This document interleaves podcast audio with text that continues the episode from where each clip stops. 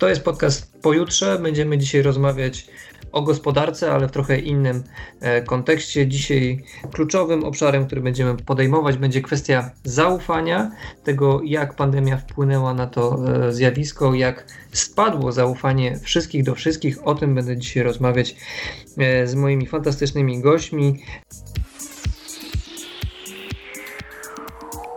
A są nimi Bartek Gotosławski, zastępca redaktora naczelnego Business Insider. Dzień dobry.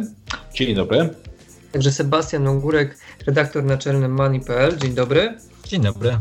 Panowie, no spotykamy się e, właściwie w czasie, kiedy minął nieco ponad rok od pierwszego przypadku e, zakażenia koronawirusem w Polsce, tego oficjalnego, wykrytego, które pamiętamy jeszcze z Zielonej Góry.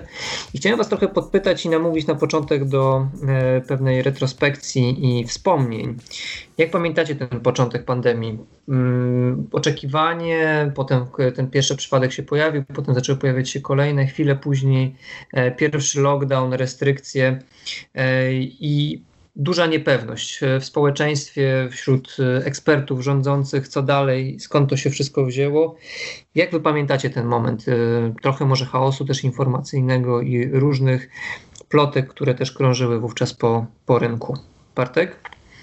Znaczy, ja, ja bym tak cofnął się jeszcze te dwa miesiące mniej więcej przed tym, jak pandemia stała się de facto E, pandemią też w tym naszym polskim wymiarze, bo pierwsze wspomnienia to właściwie obserwowaliśmy, co się dzieje w Chinach. Nie wierzyliśmy, że e, te ogniska epidemiczne w Wuhan pewnie staną się tak dużym zagrożeniem w skali e, globalnej.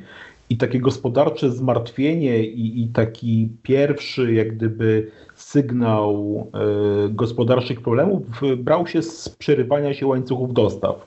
Chińczycy jako silne miejsce produkcji wielu dóbr, y, półproduktów y, dla całego świata, no, nagle y, zaczęli mieć problemy z dostarczaniem. Prowincja, tam gdzie znajduje się Wuhan, to jest, to jest taki silnie przemysłowy E, okręg w Chinach i nagle zobaczyliśmy takie pierwsze efekty gospodarcze i martwiliśmy się, jak to wpłynie na, na gospodarkę. Natomiast nie dopuszczaliśmy wtedy jeszcze e, do siebie tego, że to może stać się problemem nie tylko gospodarczym, ale społecznym, e, potężnym kryzysem E, zdrowotnym i, i, tego jeszcze nie było. To przyszło później. To właściwie jak e, obserwowaliśmy te, mm, to, co się dzieje w Lombardii. Tak? Ta Lombardia była takim, e, takim momentem, kiedy przerażenie też zaczynało docierać do do Polski i, i, pandemia stała się, stała się faktem, więc, więc to był taki też moment, gdzie my też gdyby też dojrzewaliśmy do tego, żeby uznać y, COVID-19 za zagrożenie y, takie tutaj nasze, stricte, stricte polskie i, i to oczywiście było, mm, co było też pewnie, pewnie błędem, czy no, na pewno było błędem, jak wiemy z perspektywy czasu, no to bagatelizowanie, które, które towarzyszyło e, koronawirusowi w Europie, bagatelizowanie ze strony e, ekspertów, ze strony epidemiologów, ze strony wiruzologów, ze strony też do pewnego stopnia e, mediów. Nie będę tutaj e, mediów bronił. No i co chyba najgorsze, ze strony jak gdyby urzędników wyższego szczebla, którzy traktowali wtedy jeszcze koronawirusa jako powiedzmy taką bardziej zakaźną grypę a dość szybko przekonaliśmy się, że mm, no, jest to choroba mm, znacznie poważniejsza niż, niż grypa, choćby dlatego, że nie ma na nią e, szczepionki, nie ma na nią e, leku. Mhm. E, a ty, Sebastian, jak, jak, pamiętasz ten czas? Bo yy, Bartek dobrze właściwie narysował nam to, co się działo też przed. Ja też pamiętam te, te, ten czas, jak yy, między innymi byliśmy na World Economic Forum w Davos, gdzie yy, pobrzmiewały te echa z Azji, natomiast mało były odczuwane w Europie, ale też te strzępy informacji, które dopływały, były niepokojące i mam wrażenie, że szczególnie marzec ubiegłego roku był tym czasem, kiedy na tych wielu strzępach próbowaliśmy e, jakiś obraz zbudować. Jak ty to pamiętasz z perspektywy też e, Maneja? Ja pamiętam, mm, znaczy to był przede wszystkim olbrzymi brak kogoś, z kim można byłoby na ten temat porozmawiać. Bo dotąd z epidemiologami, z ekspertami w tej dziedzinie, myśmy ich kompletnie nie znali. Myśmy ich poznali dopiero w kolejnych miesiącach. E, pamiętam do, bardzo dokładnie e, i chyba wszyscy to pamiętamy, wypowiedź ministra Szumowskiego, ministra zdrowia, który powiedział, że maseczki nic nie dają. E, I ta wypowiedź ciągnie się za nim do dzisiaj. Pamiętam wypowiedź jednego z epidemiologów, który także powiedział, że w zasadzie nie trzeba się niczego bać. Jednemu z dziennikarzy podawał rękę mm, w samochodzie, pokazując, że, że to nie jest nic strasznego. E, no, że jest inaczej, przekonaliśmy się w ciągu zaledwie dwóch czy trzech tygodni kolejnymi konferencjami e, prasowymi, mm, których zamykano poszczególne części, części gospodarki.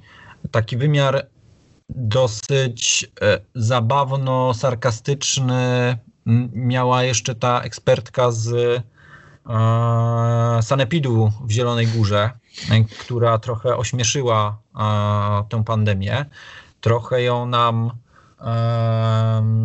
tymi żartami swoimi, swoją wypowiedzią pokazała też, że możemy się bać tej pandemii, dlatego że nie mamy ludzi, którzy byliby w stanie z nią sobie radzić.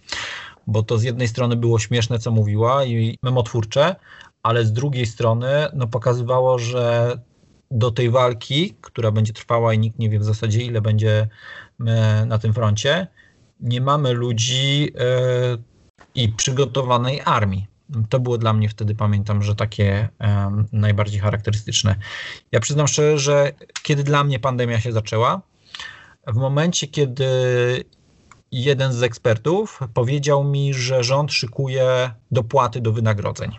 Dla mnie to było tak surrealistyczne, tak e, dziwne, tak e, oderwane od naszej liberalnej gospodarki, że nagle rząd będzie komukolwiek dopłacał do wynagrodzeń, mm, że dopiero wtedy, mówiąc szczerze, zdałem sobie sprawę, że to nie jest coś, co będzie trwało miesiąc, co będzie trwało dwa miesiące, tylko zostanie z nami na dużo e, dłużej. Mm, zgadzam się z tym, co mówił Bartek, że rzeczywiście na początku myśmy jako instytucje patrzyli na to na, jak na coś, co się nie może wydarzyć. Jak na świńską grypę, ptasią grypę yy, i tak dalej, i tak dalej. To znaczy coś, co wydawało nam się, że jest problemem, ale jego skala nie będzie aż tak duża, bo przecież coś takiego jak epidemia nie istnieje. To jest coś z filmów, to jest coś z science fiction, ale to nie jest coś z rzeczywistego E, rzeczywistego, mm, z rzeczywistego świata. No a dzisiaj, rok po, już się przyzwyczailiśmy do tego, że nie rozmawiamy razem, tylko jesteśmy e, w trzech różnych miejscach. Hmm, to prawda.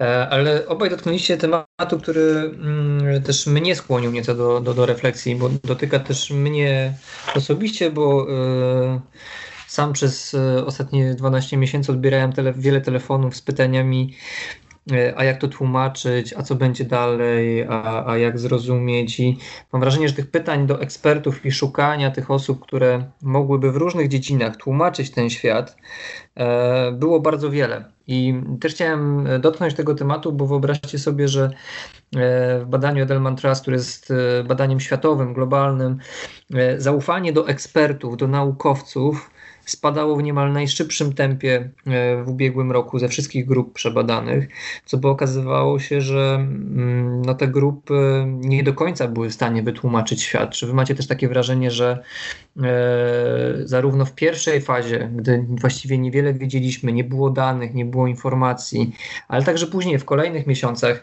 e, ta grupa naukowo-ekspercka zawiodła w tej pandemii? Czy mamy do czynienia z takim przebiciem takiej bańki eksperckiej kultu wiedzy?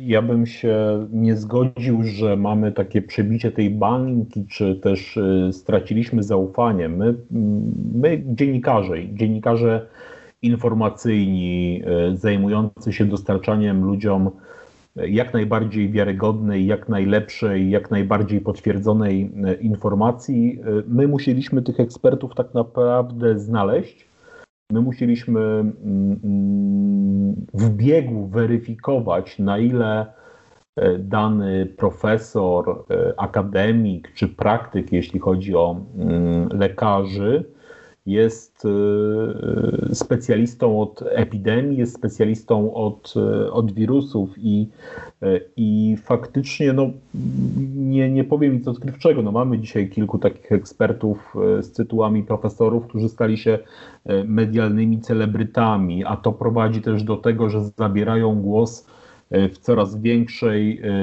liczbie spraw, już nie koncentrują się tylko na kwestiach które im pozwoliły y, uzyskać tytuł doktora, zrobić habilitację, zostać profesorem, ale, ale poruszają się w znacznie szerszym spektrum tematów.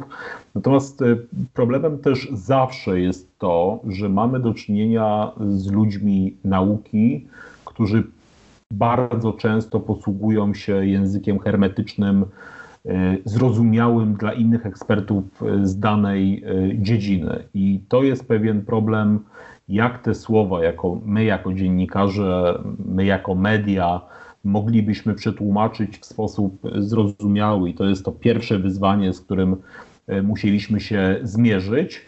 E, kolejne, pierwszym było gdyby wyselekcjonowanie tej grupy ekspertów, którzy faktycznie są ekspertami, mają coś do powiedzenia, później e, jak przetłumaczyć, a później de facto no, zmagaliśmy się z chorobą, z pandemią, której się uczyliśmy w biegu. My jej nie mogliśmy się nauczyć w warunkach laboratoryjnych, bo my się jej uczyliśmy na żywym organizmie społecznym, obserwując przebieg choroby e, u pacjentów w Polsce, w innych krajach, e, obserwując działanie różnych leków. E, niektóre łagodziły, niektóre nie łagodziły. Ta choroba inaczej przebiegała u osób starszych, inaczej u osób, które mają jakieś choroby.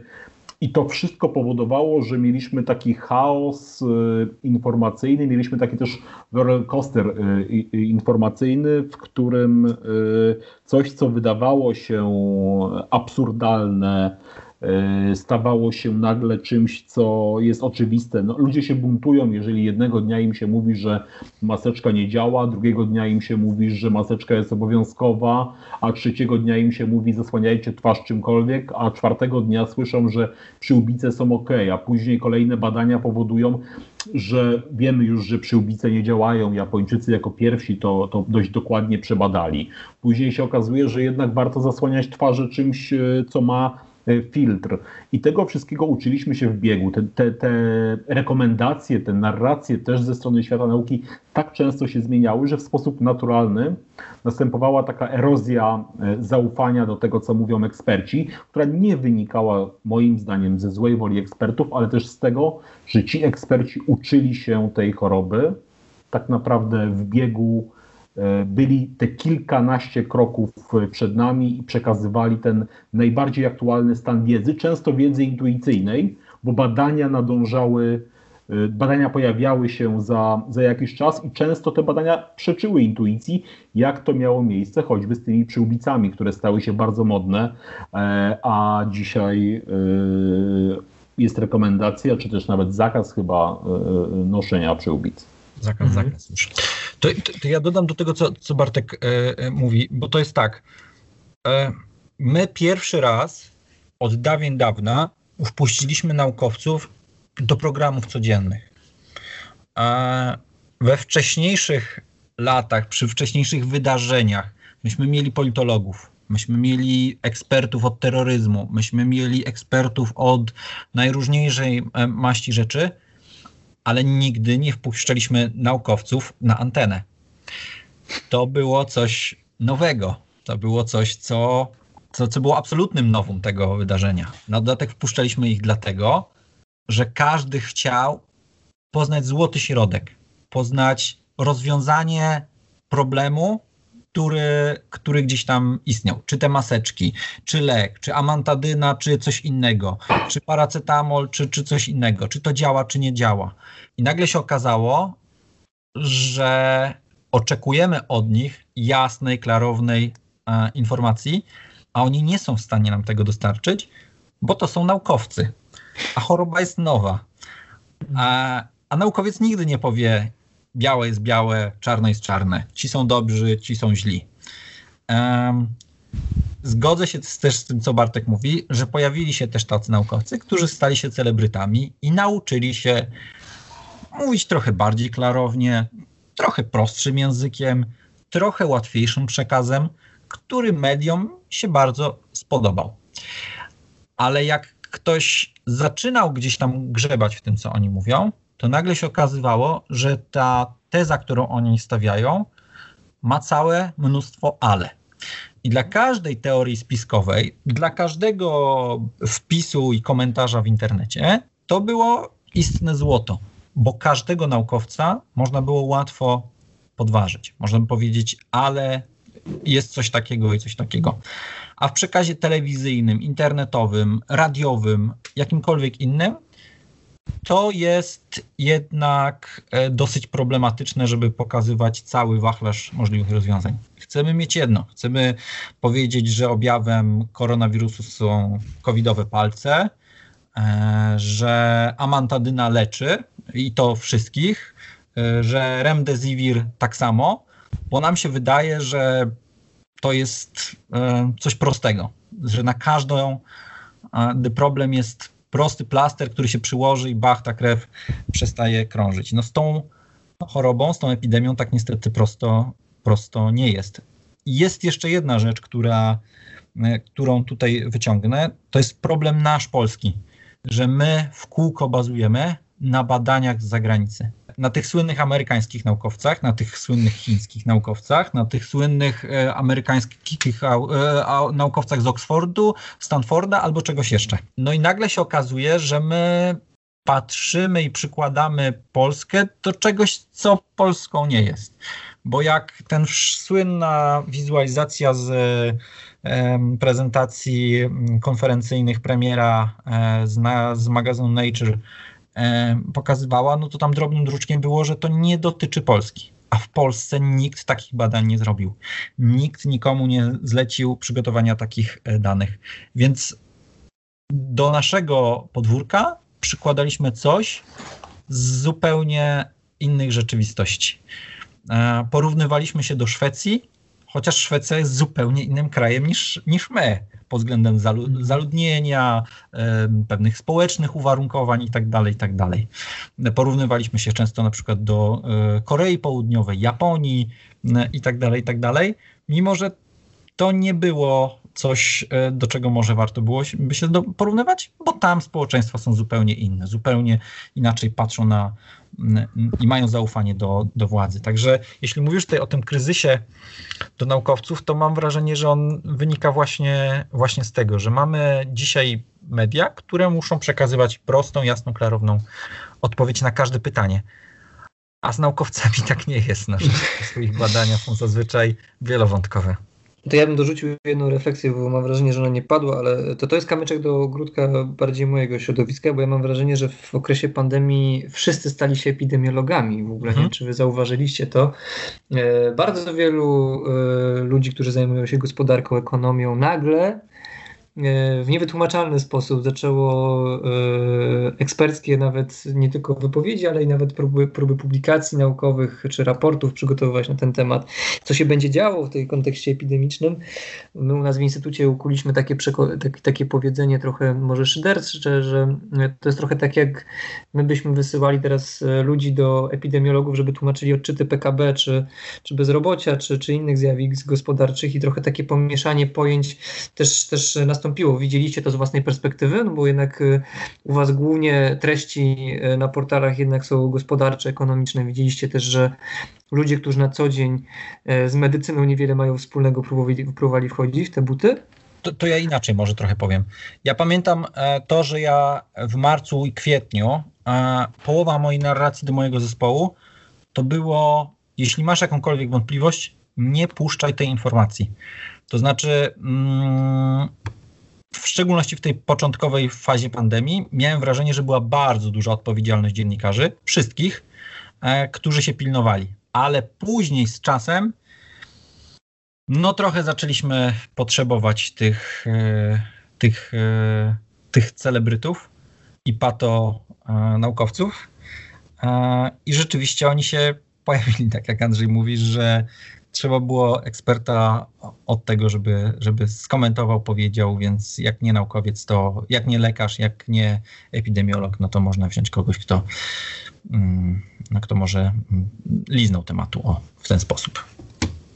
Czy ja bym zwrócił uwagę, bo, bo mówimy jednak, no, mówimy o ekonomistach, e, którzy siłą rzeczy musieli e, czasie pandemii poszerzyć spektrum swoich zainteresowań i zacząć patrzeć nagle na rzeczy i próbować prognozować albo szukać osób, które umieją prognozować e, przebieg pandemii, bo pandemia stała się kluczowym czynnikiem, z którego wprost y, wynikał lockdown, y, restrykcje, obostrzenia, a jeśli z przebiegu pandemii wynika lockdown czy konkretne y, obostrzenia, no to wówczas można sobie to przełożyć na konkretne wskaźniki gospodarcze, a tym samym na pokazanie, oszacowanie, jak silnie gospodarka zostanie uderzona takim kryzysem.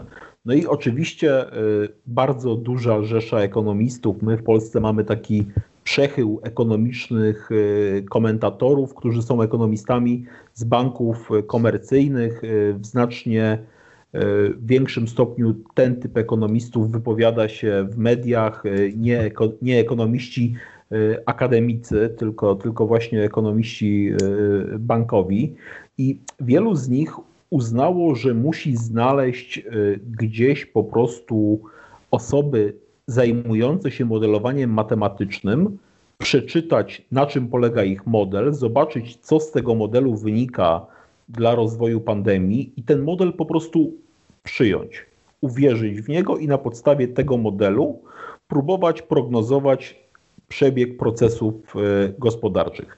Byli też tacy, którzy próbowali przekładać e, rozwój e, różnych fal e, pandemii z innych krajów do Polski, ale tutaj Sebastian słusznie zauważył, że zdyscyplinowane społeczeństwa azjatyckie, które mają już doświadczenie z poważnych epidemii, SARS, MERS, zupełnie inaczej zachowują się w obliczu COVID-19 niż społeczeństwo na przykład europejskie czy amerykańskie, które takich doświadczeń absolutnie nie ma, gdzie ta wolność osobista jest znacznie wyżej położona e, i indywidualność czy też indywidualne potrzeby są znacznie wyższe niż, e, niż potrzeby, powiedzmy, w dużym oczywiście uproszczeniu całego, e, całego społeczeństwa. Społeczeństwo szwedzkie, gdzie bardzo wiele osób żyje na przykład w jednoosobowych tak zwanych gospodarstwach domowych, e, w przeciwieństwie do Polski, gdzie mamy e, częstszy kontakt ze starszymi rodzicami czy z dziadkami, więc ta choroba... Mieszkamy gdyby... też razem w domach, taka tam tak. jest standardowo, że 16-latek to już poza domem do, do, Dokładnie tak. I to też, to też powoduje, że pewnego rodzaju działania czy przebieg procesu zakażeń no jest, jest, zupełnie, jest zupełnie inni, więc ekonomiści musieli też wymyślić dla siebie zupełnie nowe e, narzędzia opisywania procesów gospodarczych.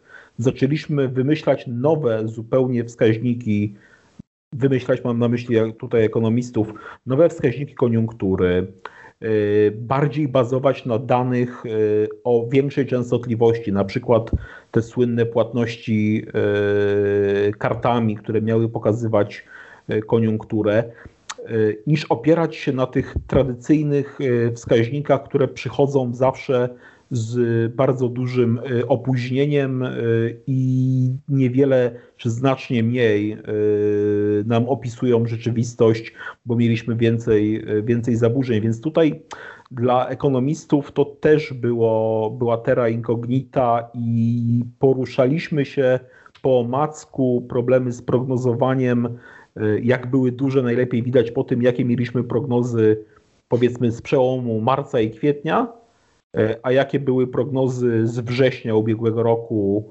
gdzie ta fala optymizmu po wakacjach, gdzie mieliśmy spadek zakażeń, że gdzieś tam sytuacja się e, unormowała. Więc to, to też wszyscy poruszaliśmy się w zupełnie nowym e, otoczeniu.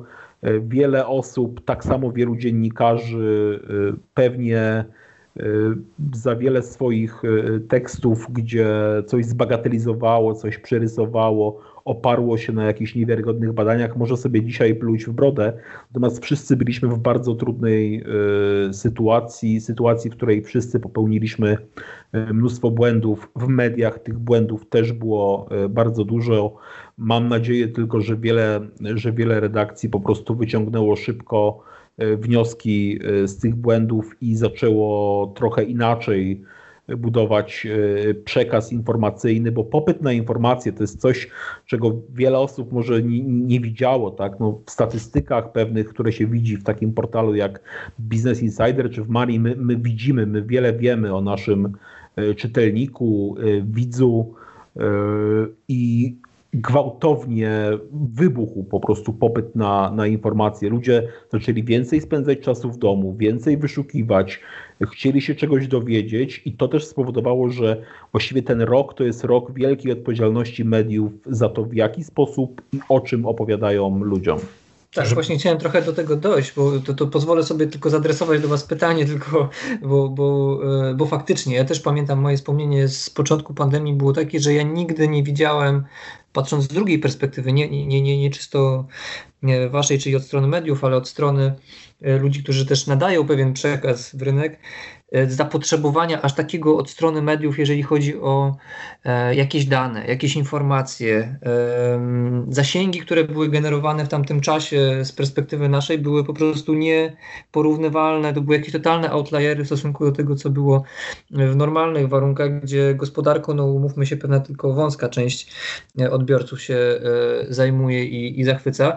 To też wywołało w moim przekonaniu potrzebę tego, żeby wytworzyć jakieś jakieś narzędzia analityczne, które no, z perspektywy czasu dzisiaj mogą być e, dosyć szybko chowane do, do lamusa, bo, bo wiele z nich się nie sprawdziło po prostu w tych, tych, tych eksperymentalnych e, rozwiązań.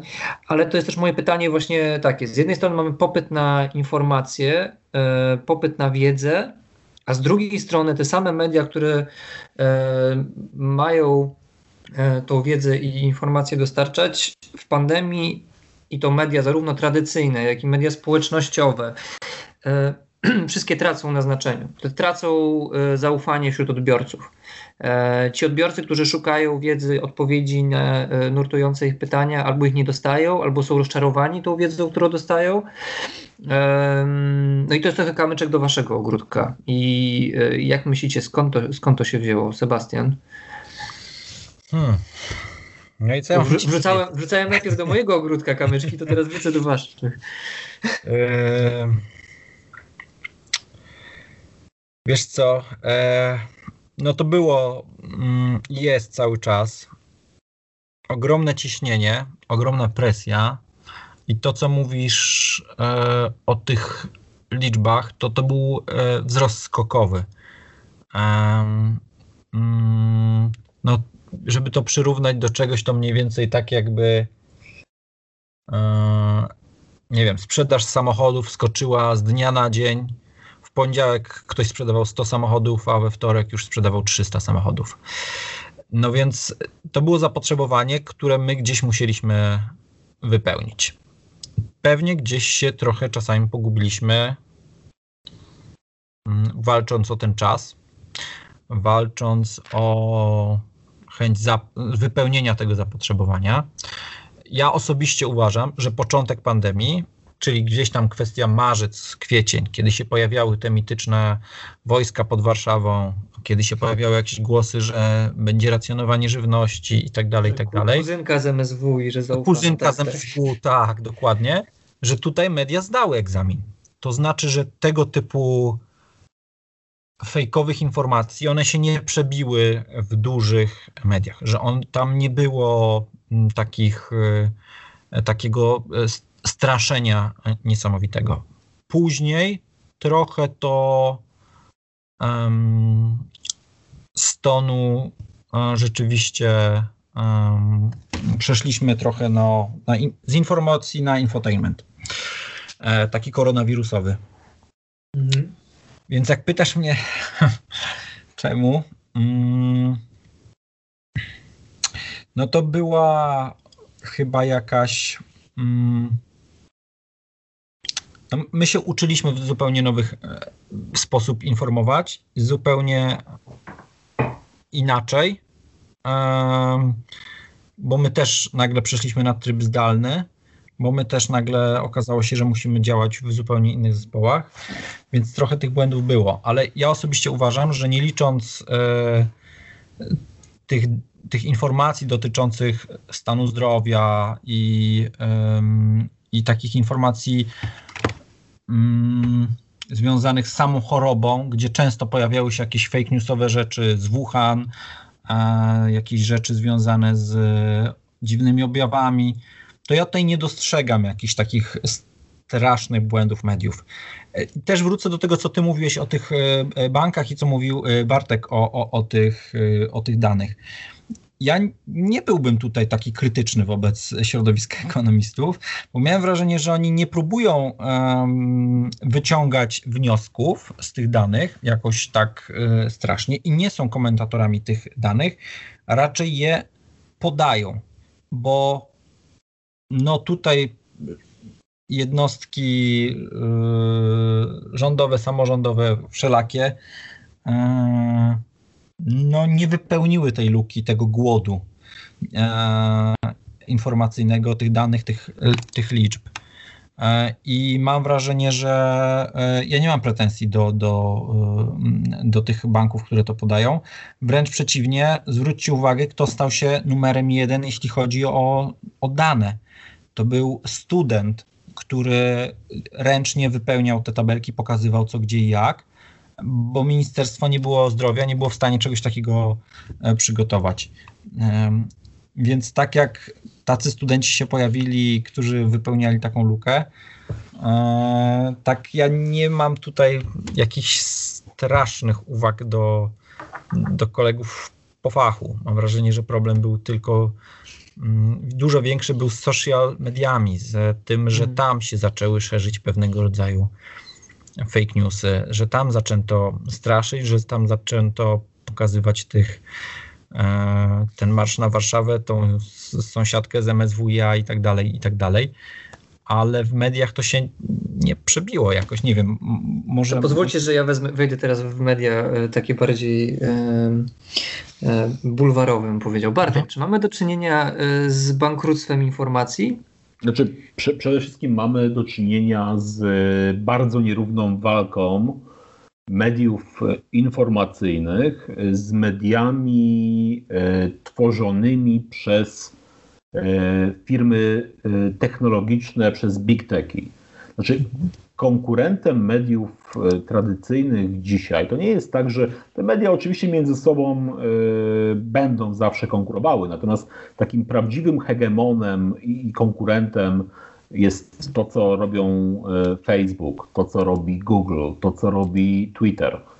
I jeżeli dla wielu ludzi wiarygodniejsze jest to, co ktoś napisze i sobie to wiraluje y, na Facebooku, i to sobie żyje i ten łańcuszek się informacyjny tworzy, no to to, to pokazuje potęgę tych mediów i to pokazuje, że taka fałszywa informacja jest w stanie obiec dziesiątki tysięcy osób, później jest kopiowana do komunikatorów typu Messenger, WhatsApp, Signal i innych. I, i ona w tym momencie dociera pierwsza, zanim dotrze ta informacja z od dziennikarza, który musiał eksperta wysłuchać, który musiał ten język naukowy przełożyć na jakiś język, trochę to uprościć, oprzeć się na więcej niż jednym ekspercie. I to, i to jest niestety walka, walka jest niestety nierówna. Tak? Zaufanie y, do mediów y, spada, ludzie nie są w stanie podać źródła informacji, nie są w stanie sobie mediów też podzielić na mm, media wiarygodne, mniej wiarygodne. To, to, jest, problem, to jest problem mediów, tak? to jest problem taki, w, w którymś momencie w którymś momencie być może zaczęliśmy źle tłumaczyć e, rzeczywistość, źle ją pokazywać. Kiedy dzisiaj powstają w Polsce świetne portale fact-checkingowe, ja się zastanawiam, jak to jest możliwe, że powstaje portal fact-checkingowy podpięty do dużej redakcji, jak przecież istotą pracy mediów jest właśnie fact-checking. To jeżeli redakcja informacyjna musi mieć portal fact-checkingowy, no to coś niestety w mediach w mediach jest nie tak. No, każdy nasz Ale właściwie tekst... Czekaj, czekaj Bartek, bo najczęściej jest tak, że te, te, te, te, te, te fact-checkingowe um, redakcje, um, agendy, one nie sprawdzają dziennikarzy, sprawdzają no wypowiedzi medialne różnego rodzaju e, Oczywiście, osób. ale to jest... To Czasami jest błędnie przez dziennikarzy podawanych, bez tak jest. namysłu. Ale, ale nasz, naj... naszym obowiązkiem jest robienie, weryfikowanie słów, nie tylko cytowanie ich, moim zdaniem, in extenso. No to zobaczyliśmy w Stanach Zjednoczonych przy okazji Donalda Trumpa. Znaczy, w którymś momencie media przestały y, transmitować jego konferencje i wystąpienia, uznając, że nie możemy pozwalać, aby ludzie bez komentarza, bez zweryfikowania tego, co on mówi, mogli y, tego w tak swobodny sposób y, y, słuchać. I te konferencje były przerywane. Donald Trump został zablokowany na mm, Twitterze. I, I dzisiaj mamy ten problem, że media społecznościowe zastąpiły media. I to no jest właśnie, zdaniem fundament, jak Andrzej, fundament jak Andrzej mówił o dziennikarzach, dlatego ja tutaj nie do końca czułem. Oczywiście są błędy, ale mam wrażenie, że to jest to, co Bartek w 100% mówisz. Dzisiaj największą stroną główną w polskim internecie nie jest Onet, nie jest Wirtualna Polska. Największą stroną główną jest Discover. I może nie każdy wie, co to jest, ale to jest mechanizm, który podpowiada treści najróżniejszego rodzaju użytkownikowi na jego y, telefonie z Androidem. I tam dopiero jest zgroza, bo jeśli. Mm, bo tam u niego pojawiają się właśnie tego typu wypowiedzi e, i tego typu. To nie jest dziennikarstwo, to są fake newsy. E, I to zaczyna być dzisiaj problemem, a nie dziennikarze. Zaczynają być problemem wypowiedzi, które są nietłumaczone w żaden sposób, które są puszczane w obieg trochę jak, jak, jak depesza, ale bez żadnej weryfikacji. E, I to jest problem, a nie do końca dziennikarze tutaj się. To przerwę wam teraz, tylko podam e, dwie statystyki w takim razie, bo to jest to, to, to czym ja lubię się zajmować. Jeszcze raz podam źródło Edelman Trust, e, Traditional Media, spadek e, zaufania 8 punktów procentowych z 61%. 60 to jest uznawany za dolny próg zaufania na 53%. Więc nie jest jeszcze e, e, aż tak źle, chociaż już jest poniżej tego, te, tej granicy neutralności. Media społecznościowe, o których mówicie, też spadek zaufania w 2020 roku i to jest spadek o 5 punktów procentowych, ale uwaga, z poziomu 40%, a więc bardzo nisko, na jeszcze niżej, czyli 35%. Czyli generalnie na świecie w informacje z mediów społecznościowych nie wierzymy.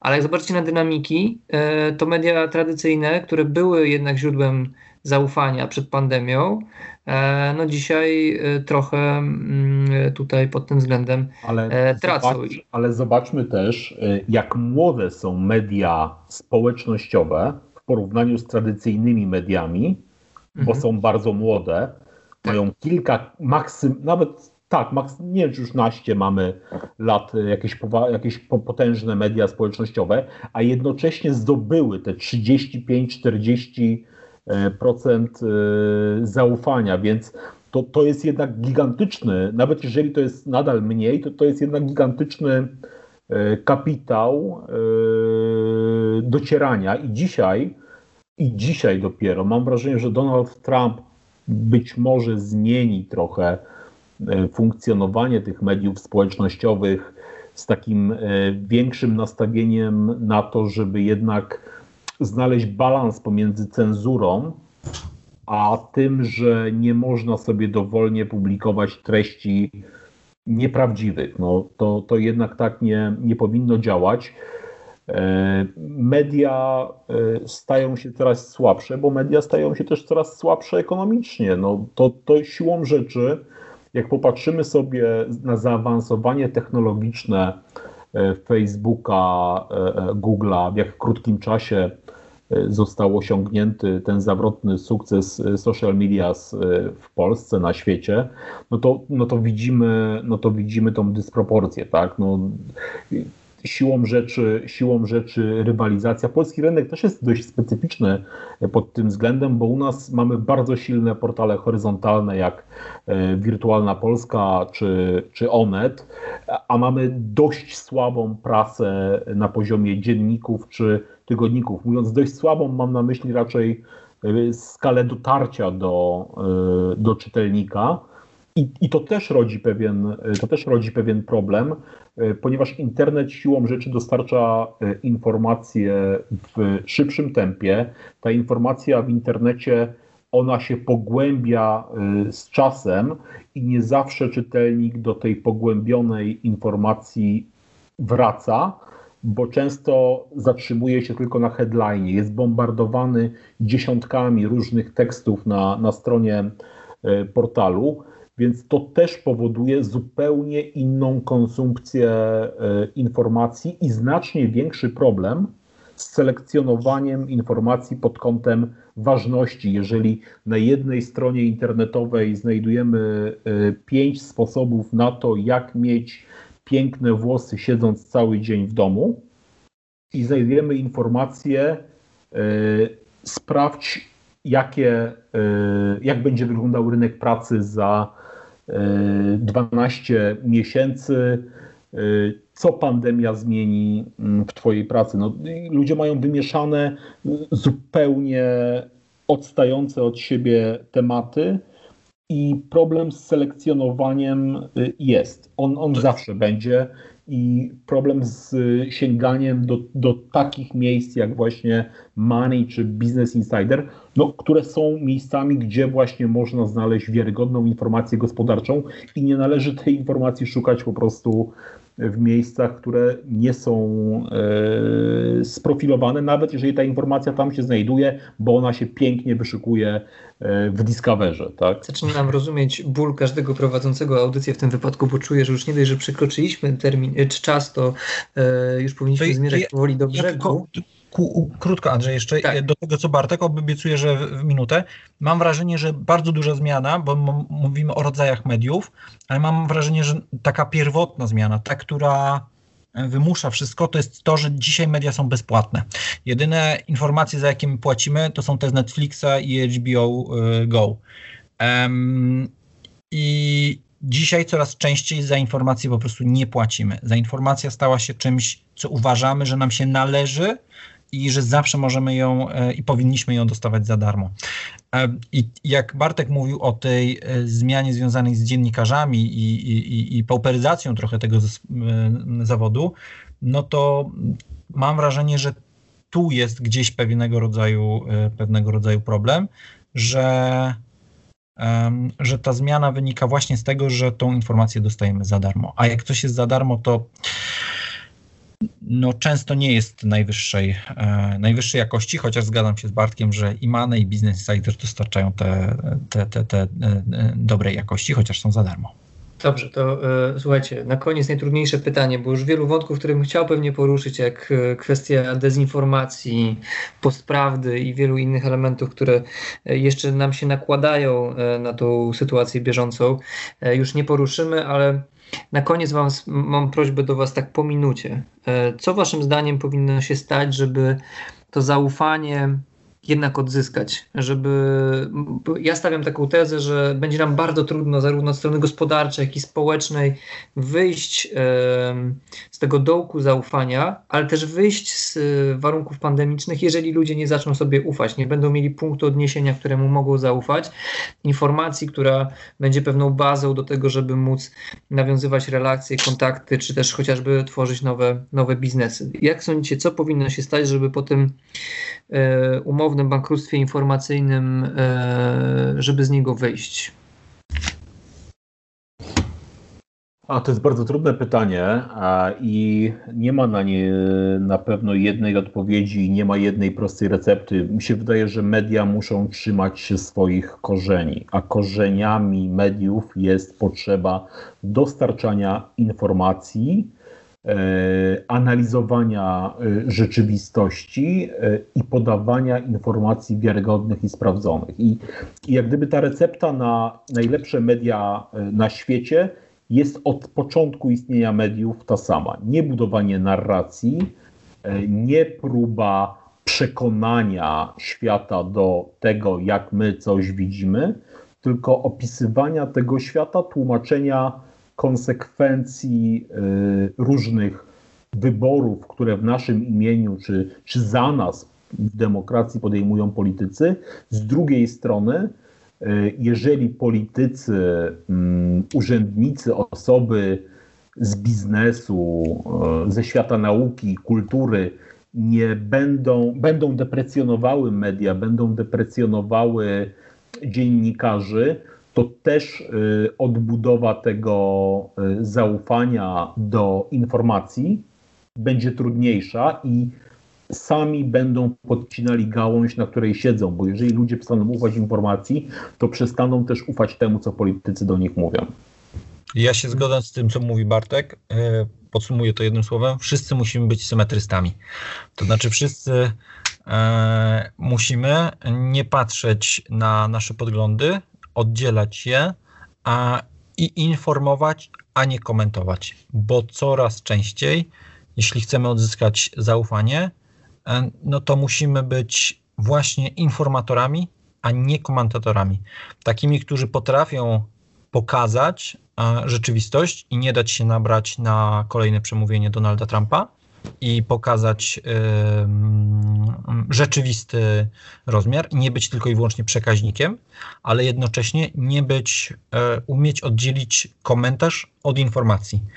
E, I jeśli to się uda, no to wówczas sądzę, że to zaufanie można byłoby odbudowywać. Jeśli dalej będziemy się dzielili, mówili, że jesteśmy dziennikarzem e, takim, siakim czy owakim, to za każdym razem nasza informacja, to co podajemy, no nie może być z gruntu, że się tak wydaje, z samej trzewi, z idei rzetelne i to będzie osłabiało to nasze e, zaufanie, zaufanie do nas. I tu postawimy kropkę. E, bardzo dziękuję. Moimi gośćmi był Bartek Godosławski, Sebastian Ongurek, e, redaktor naczelny Business Insider, e, Money.pl. Zapraszam do odwiedzania zarówno serwisów internetowych, jak i naszych podcastów, aby dalej śledzić o tym, co się w czasach pandemicznych i mam nadzieję niedługo postpandemicznych również będzie działo. Dziękuję bardzo za dzisiejszą rozmowę, panowie. To była wielka przyjemność. Dzięki. Dzięki.